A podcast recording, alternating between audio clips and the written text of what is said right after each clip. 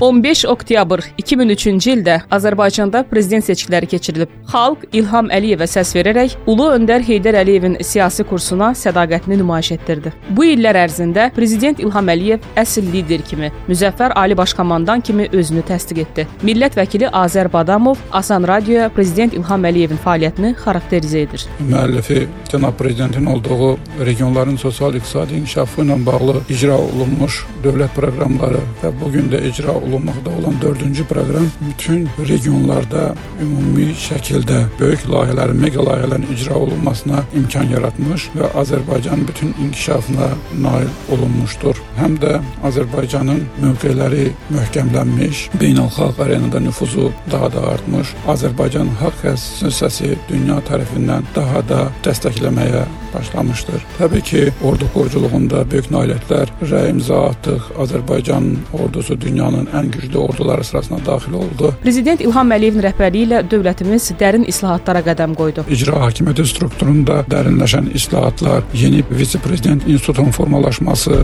dövlət strukturlarının gəncləşməsi prosesi başlandı. Gənclər üçün yeni imkanlar yaradıldı və dövlət vəzifələrində təmsil olunmağa başlandı. Məhkəmə sistemində islahatlar aparıldı. Elektron məhkəmələr yaradıldı və daha şəffaf və ədalətli məhkəmə sisteminin formalaşmasına yol açdı və töhfəsi verilmiş oldu.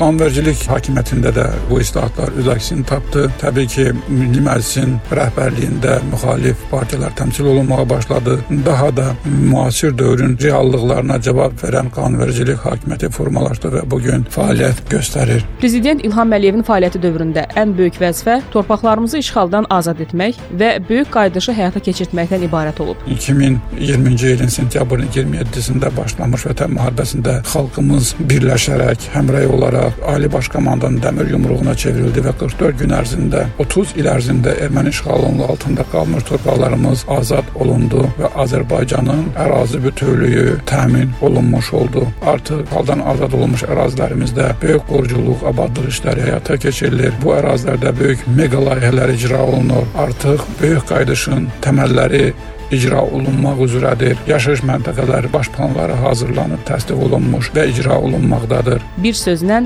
böyük uğurların və zəfərin müəllifi prezident İlham Əliyevlə ölkəmiz daha da gücləndi.